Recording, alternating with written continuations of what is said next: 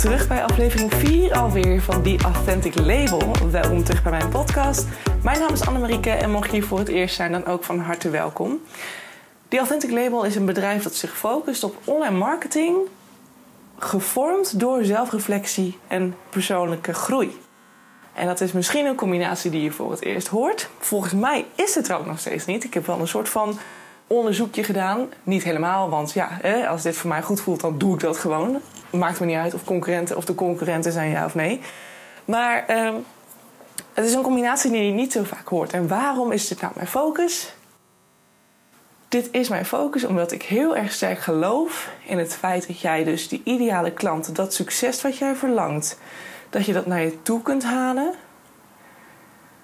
Zonder dat je daarvoor allerlei strategieën en regeltjes nodig hebt. Hè? Zoals het volgen van het algoritme of dit en dat en zo vaak posten. En, en je moet een e-mail funnel hebben, want als je dat niet hebt, dan heb je geen succes. Bladibladibla. Ik krijg daar anties van. Als iemand tegen mij zegt je moet iets, omdat je het anders niet voor elkaar kunt fietsen, dan zeg ik altijd: Oh ja? Watch and learn, weet je? Dan ben ik het altijd een bewijzen dat het anders kan.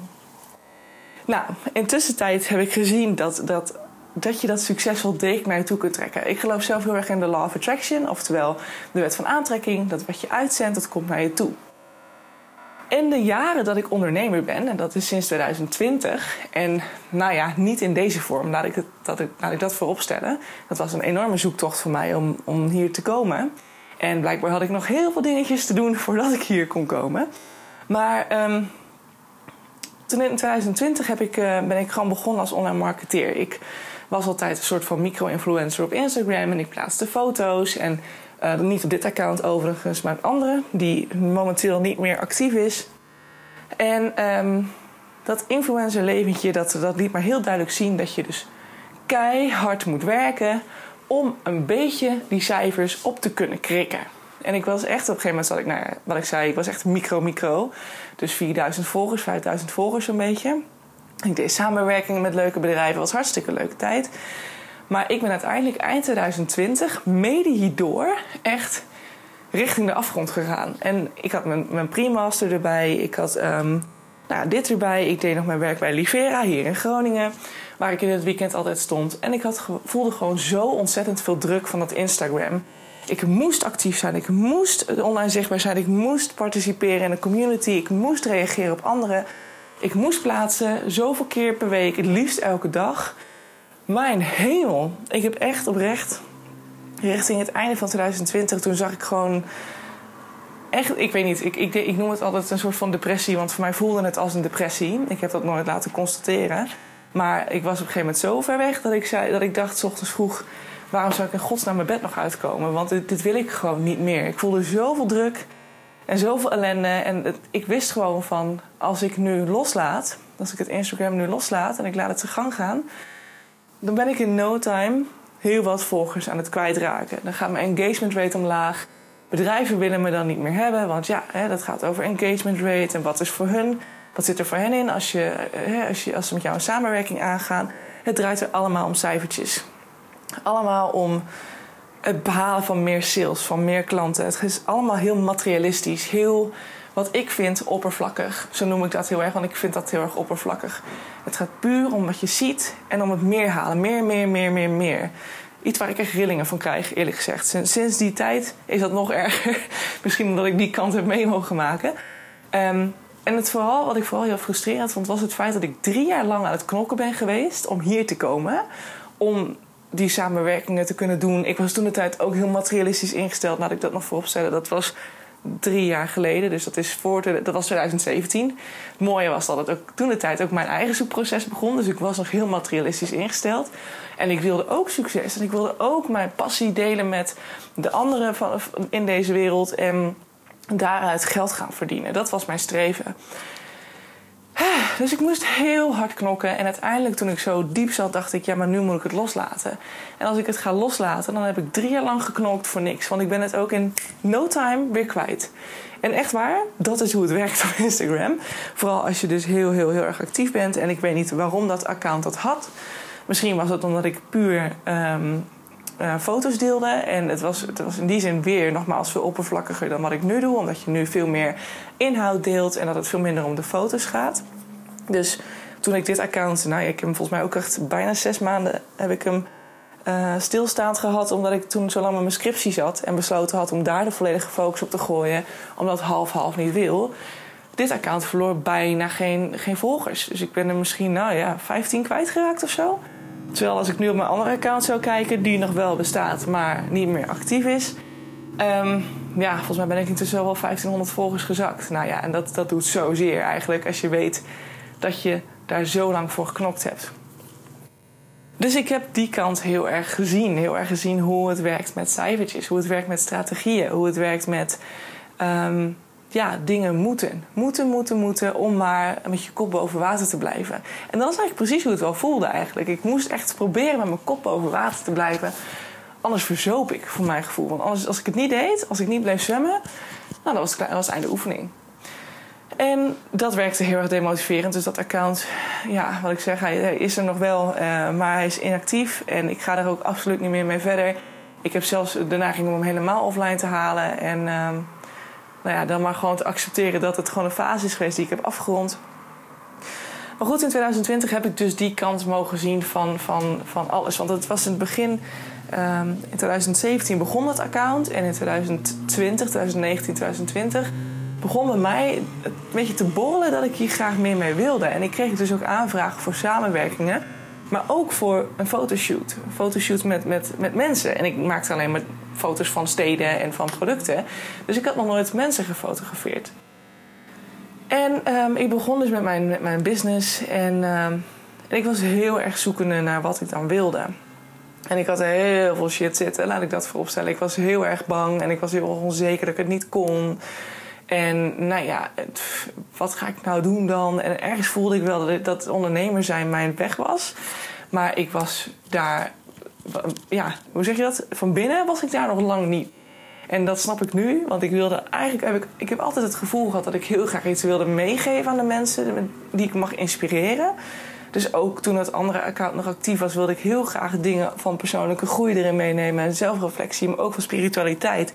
Maar ik was heel bang om dat te doen, omdat ik zelf de overtuiging had dat de term um, zelfreflectie, persoonlijke groei, spiritualiteit, dat het gewoon een absolute dikke vette no-go was. En dat als mensen daarachter zouden komen dat ik daarmee bezig zou zijn, dat ze me dan niet meer aardig zouden vinden, niet meer, niet meer leuk zouden vinden. Nou, noem ze op. Eh, allemaal overtuigingen die daarachter zaten. En uiteindelijk ging ik dus vanuit al die blokkades, vanuit al die shit die nog in mij zat, ging ik dus mijn onderneming beginnen. Met alle gevolgen van dien. Want er kwamen dus klanten op af. En niet alle klanten waren zo, maar ik had best wel wat klanten die gewoon mij totaal leegzogen. Die mij heel veel ellende hebben gebracht. Of heel veel ellende, maar gewoon heel veel ja, dan zeg je dat dagen dat ik echt in, in, in, de, in de negatieve vibe zat. En dat ik me rottig voelde en dat ik bang was. En dat ik dat al die patronen die ik had zitten over dat angst en het niet waard zijn en het niet kunnen, dat werd nog harder getriggerd. En helaas werd ik daar dan ook flink op gepakt. Want eh, er waren echt stukken van, nou ja. Eh, ik, ga het allemaal niet, ik wil dat niet benoemen, want dan, dan ga ik echt richting de negativiteit en dan voel ik die vibe ook weer en dat wil ik niet. Maar ik zag dus in dat ook mijn klanten die ik naar me toe haalde, niet in die vibe zaten, in die frequentie zaten, in diezelfde energie zaten als waar ik ze het liefste wilde hebben. Waar ik mezelf het liefst in wilde hebben. Want ik wilde voornamelijk gewoon heel veel positiviteit. Um, enthousiaste klanten en klanten die mij ook vooral respecteerden en in mijn waarde lieten. En dat was helaas niet het geval. Goh, Anne, en waarom was dat niet het geval? Nou, dat weet ik intussen ook wel. Want uh, de wereld om je heen spiegelt jou. En dat is gewoon heel grappig als je erop gaat letten. Want je raakt door Jan en allemaal geïrriteerd en getriggerd en dit en dat. Um, maar goed, ik werd niet gewaardeerd, ik werd niet gerespecteerd. Althans, ze voelden het voor mij. Omdat ik, dat, omdat ik mezelf ook niet respecteerde en waardeerde voor wie ik was. Ook al had ik mijn les geleerd in 2017. Hè? Ik bedoel, mijn verhaal kun je terugluisteren in uh, podcast 2. Um, En toch was ik nog lange niet daar. En dat, dat, dat bleek nog een heel lang proces te zijn. Want pas sinds afgelopen jaar heb ik de knop weten te vinden richting onvoorwaardelijke zelfliefde. En nog steeds moet ik mezelf af en toe terugroepen en zeggen: Annie gaat weer te hard. En Annie, je merkt dat je in de overprikkeling raakt. Je moet stoppen. Terug op je poef. Pak een boek en ga lezen. um, om, eigen, om mezelf ook in die zin te beschermen. En mezelf ook dat stukje liefde te gunnen. Maar dat is best ingewikkeld, want we zijn gewoon heel erg hard tegen onszelf.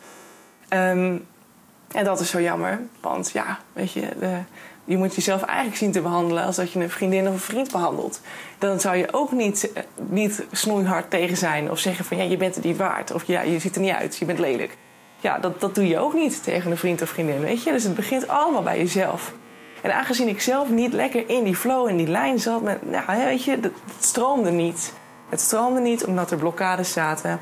Allemaal angsten, overtuigingen, nou ja, negatieve stukken die um, zorgde dat ik dus in een lagere frequentie terechtkwam. En vanuit die lagere frequentie anderen naar me toe ging trekken. Klanten in dit geval. Dus ik verdiende wel geld, maar ik was verre van gelukkig. Um, en nu pas zie ik dat in. Dat ik toen dacht ik echt van, wat gaat hier mis, joh? Hoe kan dat nou? En nu pas heb ik zoiets, of nu pas, maar toen de tijd in 2021 of zo, begin of einde, weet ik het niet, weet ik niet meer. Maar um, het zal tegen het einde zijn geweest. Um, toen had ik een hele fijne psycholoog te pakken. En die, die psycholoog die was zelf ook aardig spiritueel. En ik ging met haar ook in gesprek over onder andere een van deze klanten... waar ik heel veel uh, last nog van had en ook heel veel angst van uh, doorvoelde. Um, en toen hadden we het daarover van ja, maar dat moeten we dan verwerken... maar ik wil het ook niet nog een keer meemaken. En toen zei ze al van ja, maar dat begint dus bij jezelf mensen zijn er bang voor. Mensen die, die kijken ernaar. En, en het grappige is dat ik gisteren ook gewoon... Ik heb gisteren een coach gesproken. Uh, bij mij op kantoor. En um, zij is, dus wat ik zeg, zij is een coach. Zij doet dit ook voor mensen. Het helpen van... Zij heeft mij onder andere ook geholpen met mijn, eh, met mijn stuk zelfliefde in het begin van dit jaar. Dat was het laatste puzzelstukje op dat gebied. En um, we hadden het over haar business. En zij eh, ze heeft net haar baan, haar baan uh, waar ze vaste inkomsten van had, daar is ze mee gestopt. En nu is ze dus heel erg, ze is net van de vakantie teruggekomen. En ze is heel erg zoekende naar hoe wil ik nou mijn bedrijf gaan inrichten. En hoe moet ik dat doen? En ik weet, ik ken haar al langer dan vandaag. Uh, en ik weet dat ze vaak best wel in haar hoofd zit. En heel lang gaat schrijven en nadenken. En nogmaals, ieder zo'n ding. Hè? Dus er is geen goed of fout. Maar ik zag haar struggelen gisteren en ze was weer op kantoor na, na, een paar weken vrij. En um, toen hadden we het erover en toen had ze dus iemand gebeld en toen zei ze van ja, en uh, ja, maar het is. Uh, nou ja, ze noemde iets en toen kwam er iets bij mij op over haar, um, over haar financiën. Dat ze, ze is dus samen met, met een partner. En um, ze voelt gewoon heel veel druk van het feit dat zij nu eigenlijk heel weinig inbrengt. En dat ze dat moet doen. Ze moet geld binnenkrijgen en dat moet zo snel mogelijk gebeuren. En dat stukje van het moet gebeuren en zo snel mogelijk, dat, dat geeft zo'n pressure. Dat legt je zoveel druk in je nek. Dat blokkeert de hele zooi gewoon. Dat blokkeert je hele flow. Je blokkeert al je, je inspiratie, die gewoon ineens niet meer de space heeft om tot je te komen. En toen hadden we het er dus over van, nou, dat is misschien een, een interessant verhaal voor uh, de podcast hierna. Dan ga ik iets uitgebreider in op haar verhaal. Um, maar toen zei ik tegen haar van, het is toch grappig hoe dat werkt, want jij bent coach, jij helpt anderen hiermee. En als, je, als we het over jouw patronen hebben, dan, dan is dat een heel issue om dat op te lossen. En toen zei ze ook van, ja, maar weet je, het is altijd makkelijker om te praten over iemand anders dan over onszelf. En dat is natuurlijk helemaal waar. Uh, ik, ik, ontmoet heel veel mensen die, daar, die daarmee struggelen. Gelukkig heb ik het eens andersom gedaan. Ik moest eerst mijn eigen proces door voordat ik nu anderen mag helpen. Dus mijn stukken zijn wel tot dusverre geheeld. En als ik het nu als er nu iets terugkomt, dan heb ik het ook in no time in de gaten. Dus dan kan ik er ook heel snel op anticiperen en hup, weg. Weet je, dan, dan haal ik het gewoon weg. Maar we zijn er meestal zo bang voor. En waarom zijn we er zo bang voor? Omdat ons alweer is aangepraat dat als je dat aan gaat kijken, die angsten, dat er dan heel veel loskomt. En oh my god, het is vreselijk. En ik moet huilen en ik moet dit en ik moet dat en ik moet zus. En we mogen niet huilen, want nee, dat is ook de samenleving. We mogen absoluut niet huilen en onze emoties tonen. Ugh, vreselijk, ik hou er echt niet van. Weet je, wees alsjeblieft gewoon puur natuur. En als je moet huilen, huil, weet je. Ik, ik geef je een arm en, eh, en misschien ook niet, want soms is het goed om het ook eventjes te laten gaan en iemand niet direct aan te raken. Maar please, weet je, je hebt ze niet voor niks, die emoties. Laat het stromen. Want als je dat niet doet, jongens, onbewust, dan schiet er weer huppatee, een heerlijke blokkade. Ik hoor iemand heel druk muziek maken hier in het pand. Sorry als je dat dus hoort. Ik woon in een uh, flat met heel veel buren. Dus uh, het kan zomaar zijn dat iemand net denkt: ik ga even lekker muziek zitten maken. Maar um, weet je, als je denkt van ik laat de emoties er niet zijn, je laat de boel automatisch in blokkade schieten. En dat is zo zonde. En dat geldt hetzelfde met traumatische ervaringen. Dat geldt hetzelfde met verlies. Hè? Als iemand overlijdt en je wil de, de, emoties niet aankijken. Uiteindelijk gaat het zich steeds meer opbouwen in jouw lichaam. Totdat er een moment komt dat de boel explodeert. En dan zit je in een burn-out. Dan zit je in een depressie. Uh, weet ik veel wat voor, wat voor ellende er vaak van volgt. Maar jouw lichaam gaat reageren. Al met al wil ik dus zeggen. Uh, want het ging natuurlijk op een gegeven moment over het feit dat we het allemaal eng vinden om dingen te gaan helen en dingen aan te kijken. Maar het is allemaal niet zo eng als dat je denkt. Het enige wat daarin belangrijk is, en ik denk dat ik daar de volgende podcast over ga maken, en ik ga, die ga ik hierna direct opnemen. En die komt dan in de loop van aankomende week komt online. Um, dus als je dit hoort deze week, eind van deze week. Um, dat ik, het dat ik je ga vertellen hoe ik dat doe. Want het is allemaal niet zo moeilijk als je denkt. Je moet er alleen een beetje open-minded voor zijn. En natuurlijk kan het zijn, hè, als je echt heftige stukken hebt, kan het zijn dat de emoties loskomen en dat je misschien even moet huilen. Maar huilen is de wasmachine van de ziel. Ja, het klinkt allemaal heel heftig en zweverig, maar het is gewoon hoe het is. En misschien dat je het ook merkt. Weet je, ik ben zelf dus hoogsensitief. En als ik echt helemaal aan mijn tak zit, en ik heb veel te veel opgevangen van energie van anderen en prikkels en weet ik veel wat. Dan soms moet ik dan gewoon even huilen. En dan is het ineens te veel en dan ga ik huilen. En huilen, dat geeft mij à la minuut ruimte. Als ik even gehuild heb, ik heb zijn er maar vijf tranen geweest. Oh, Oké, dan ontstaat er weer ruimte en dan kan ik het allemaal weer wat beter overzien. En dan ga ik weer verder. En uh, dat werkt ook zo met, met met de, heling van bepaalde stukken. Want het is gewoon zo ontzettend belangrijk. En ik ga je in de volgende podcast ook laten zien, uh, aan de hand van het voorbeeld van de coach die ik net besprak, um, hoe, het, hoe, het, hoe het ontstaan van een business en ook in die zin je online marketing. Maar vaak is de business is het begin. Als dat niet lekker stroomt en floot, dan kan je ook je online marketing wel gaan toepassen. Maar dan, het ligt allemaal niet in één lijn met elkaar. Dus gaat het allemaal vanuit verschillende stukken, vanuit verschillende frequenties wordt er dan aan proberen, hè, geprobeerd om dat succes naar je toe te halen. Maar dat, dat werkt niet. Het is echt belangrijk dat je kijkt of alles lekker stroomt, of alles, alles matcht bij jou. Voelt dit goed voor jou? En gaat er ergens iets niet goed? Bijvoorbeeld doordat ik bedoog bedacht dat spiritualiteit en zelfreflectie en persoonlijke ontwikkeling dat dat absolute no-go's zijn. En dat wil ik gewoon niet naar de buitenwereld toe communiceren. Ja, dat, dat was, dit is zo'n belangrijk stuk in mijn leven. Dit heeft zoiets moois bij mij, bij mij gebracht. Ik heb mezelf gewoon al die tijd klein proberen te houden, omdat de buitenwereld er mogelijk wat van gaat vinden. Nou, daar komt ook nog een keer een podcast over, kan ik je vast vertellen. Wat de meningen van anderen eigenlijk doen. Want het enige wat de meningen van anderen doen, is dat ze hun eigen angsten en overtuigingen op jou projecteren. Als iemand vindt dat spiritualiteit spiritueel is, en, en, en afgekeurd is en dat het niet hoort in deze wereld. Might be my guest, weet je. Maar ik heb me dus al die tijd heel erg klein gehouden. Uit angst voor wat de anderen er mogelijk van zouden gaan vinden. En nu, sinds een paar weken, een paar weken terug, vijf weken geleden of zo. Ineens dacht ik, dit moet ik gewoon doen. Weet je, ik mis de diepgang in mijn online marketing. Ik mis de diepgang in mijn fotografie. En ik vind het ontwikkelen van websites en, en het doen van online marketing en het maken van content nog steeds heel leuk. Maar ik mis de diepgang en die connectie met mensen om mij heen. Ik wil iemand echt iets kunnen bijbrengen. En hoe ga ik dat het beste doen? Ja, dan, dan ga ik het zo doen, maar dan ga ik wel de spirituele termen ontwijken hoor. En dan ga ik het niet hebben over dit, dit en dit. Oh man, hoe ben ik mezelf aan het blokkeren hier? Hebben door? Ja, echt flink gewoon. Dus uiteindelijk besloot ik van, oké, klaar. Die overtuiging gaat nu de deur uit. Iedereen die weg wil lopen van mij, die loopt maar weg van mij. I don't care. Dan zijn wij niet voor elkaar gemaakt. Oh ja, I don't care. Tuurlijk, af en toe zal het wel wat pijn geven, maar dan zijn wij niet voor elkaar gemaakt. Als jij mij niet kunt accepteren zoals ik ben, dan zijn wij niet. Dan, zijn wij niet, dan hebben we gewoon een leuke tijd gehad met elkaar en dan gaan we nu uit elkaar. prima. Komen wel weer andere mensen voor terug. Niet, niet bang voor zijn dat mensen, je, dat, je, dat mensen je in de steek zullen laten. Want het is niet zo. En ik heb dat nu al gezien. Want mijn podcast staat nu sinds een week online, anderhalf week.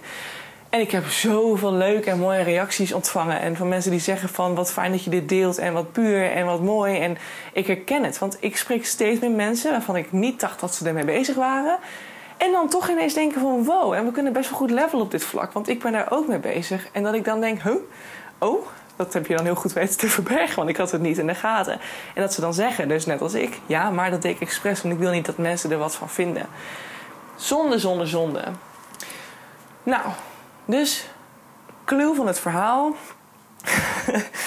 Wees niet bang om naar je eigen pijnpunten te kijken en zorg ervoor dat alles waarvan jij denkt in jouw business en je hebt maar, je maar ergens het gevoel van: oké, ik doe dit niet. Waarom doe ik dit niet? Want ik word hier heel blij van. Waarom doe ik dit niet? Ik doe dit niet omdat ik bang ben dat iemand er wat van vindt. Ik doe dit niet omdat ik bang ben dat er geen markt voor is. Ik doe dit niet omdat ik bang ben dat het niks gaat opleveren. Allemaal overtuigingen. En ga nou eens voor jezelf na. Van als dit is waar jij zo reet enthousiast van wordt, waar je helemaal op aangaat, waarom zou je dat dan niet doen? Waarom laat je jezelf tegenhouden door een stukje lijden dat in jou zit? Want het is niet. We dat hoorde ik vanmorgen in de masterclass van Sunny, super interessant. Sunny zegt: Weet je dat wij meer lijden in onszelf? Wij creëren het meeste lijden in onszelf dan dat de, dan dat de werkelijke buitenwereld dat doet. Dat is toch bizar? Ga daar eens voor jezelf over nadenken. Van oké, in, ho in hoeverre laat ik mezelf nou lijden doordat ik denk dat er mogelijk iets gaat gebeuren in het fysieke leven waar ik, waarvoor ik me nu al wil behoeden. De kans dat dat uit gaat komen is zo verrekt klein. Dus ga nou eens bij jezelf na van oké, maar waar komt dan die overtuiging weg? Waarom denk ik ergens diep van binnen dat dit geen succes gaat zijn? Of dat hier geen markt voor is? Of waarom denk ik diep van binnen dat, dat dit niet geaccepteerd wordt door de buitenwereld? Meestal, meestal kun je achterhalen waar het vandaan komt. Vaak zit het in, een, in familiepatronen. En dat het dus te maken heeft met een overtuiging die van je ouders of van je voorouders, hè, van je opa en oma wegkomt. Want dat is misschien ook heel gek te beseffen, maar dingen die je nu voelt, die kunnen terugkomen van zeven generaties voor, voor jou. En die kunnen ook weer zeven generaties vooruit met je meegaan. Of met, met hem, die je dus doorgeeft aan jouw kinderen, aan, aan je kleinkinderen. Dus het kan echt zijn dat er stukken bij zitten die gewoon niet van jou zijn. Los ze op. Heel ze. Haal ze bij je weg en bevrijd jezelf. Want oh my, we zijn, we zijn onszelf zo aan het, ah, aan het ja, klein houden. En, en aan het blokkeren. En, en aan het saboteren vooral. Maar het is best ingewikkeld. Alleen we lopen er vaak voor weg omdat we gewoon bang zijn dat als we daarna gaan kijken, dat er heel veel loskomt. En het kan zijn dat het gebeurt, maar je hoeft er niet bang voor te zijn. Want het uiterste, het meest extreme wat er kan gebeuren, is dat je echt even een flinke huilbui uitbarst. Nou ja, en als jij gewoon lekker in je eigen veilige bubbel gaat zitten en je laat het gewoon even toe. Ja, weet je, dan is het maar dan is het weg. En vaak zul je zien dat het gewoon meevalt. Soms als je iets even aankijkt, aankijken is al voldoende. En als het niet voldoende is, dan breng je het ook nog gewoon weg, weg van jou. En dan is, het ook, dan is het ook weg, dan is het opgelost. En dan ga ik in de volgende podcast, en die ga ik nu direct opnemen, ga ik je daar meer over vertellen. En dan kan ik je um, de trucjes meegeven hoe ik dit zelf gedaan heb. Want dan kun je zelf al heel veel voor elkaar krijgen. Um, en ook daarin kies dan je eigen weg. Maar um, als je mijn trucje durft toe te passen, hij is niet eens per se heel spiritueel, vind ik zelf. Uh, en ik hoor het ook van meerdere mensen om me heen dat het best meevalt. dus uh, als je enigszins open-minded bent en je durft ervoor open te staan, dan kun je het altijd proberen. En vooral eens kijken hoe iets voor jou uitpakt. En wie weet heeft het gewoon dezelfde werking op jou als dat het op mij heeft. En zo niet, dan zijn er ook andere manieren. Dat ga ik je allemaal mee, meegeven in, in de volgende podcast. Dus ik rond hem hierbij af. Um, dit was dus een beetje een ongestructureerde podcast. Maar ja, ook dat is authenticiteit. Ik praat en ik spreek vanuit wat ik hoor en wat ik voel. Um, dit kwam bij mij op. Dit verhaal ging vrij snel en vrij gemakkelijk. Want ik ben ook 33 minuten aan het praten. Dus um, dat wil gewoon zeggen dat ik het hier lekker bij laat. En dat ik gewoon eventjes moet gaan kijken naar een nieuwe titel. dus dat ga ik gewoon even fixen. En dan komt hij binnenkort online. En, um, nou, en als je deze lekker geluisterd hebt, dan wil ik je ook bedanken voor het luisteren. En uh, dan hoop ik heel erg dat ik weer iets waar je hebt mogen losmaken. Dat je misschien denkt van, goh, oké, ik ga ook de volgende podcast luisteren. Want ik wil hiermee aan de slag. Want ik wil gewoon vanuit die pure flow, vanuit jouw eigen volledige lijn. Hè? Als je in volledig alignment bent, vanuit daar die juiste klant naar je toe gaan halen. En geloof me, als dat zo is en je zit in die full alignment, dan ga je dat voelen. Want dan komt de inspiratie zo hup naar je toe. Zoals bij mij dat nu ook gebeurt. Want ik heb eigenlijk voor mezelf gekozen. Woehoe. En de meningen van de ander lekker links laten liggen. Um, dan zul je zien dat het gewoon gaat komen. En ja, het vertrouwen is daarin ook nodig. Weet je, vertrouw dan ook dat het gebeuren gaat. Oké, nou, hij is lang genoeg. Dankjewel voor het luisteren. En um, ik hoop je erg graag te zien bij de volgende podcast. Doei doei!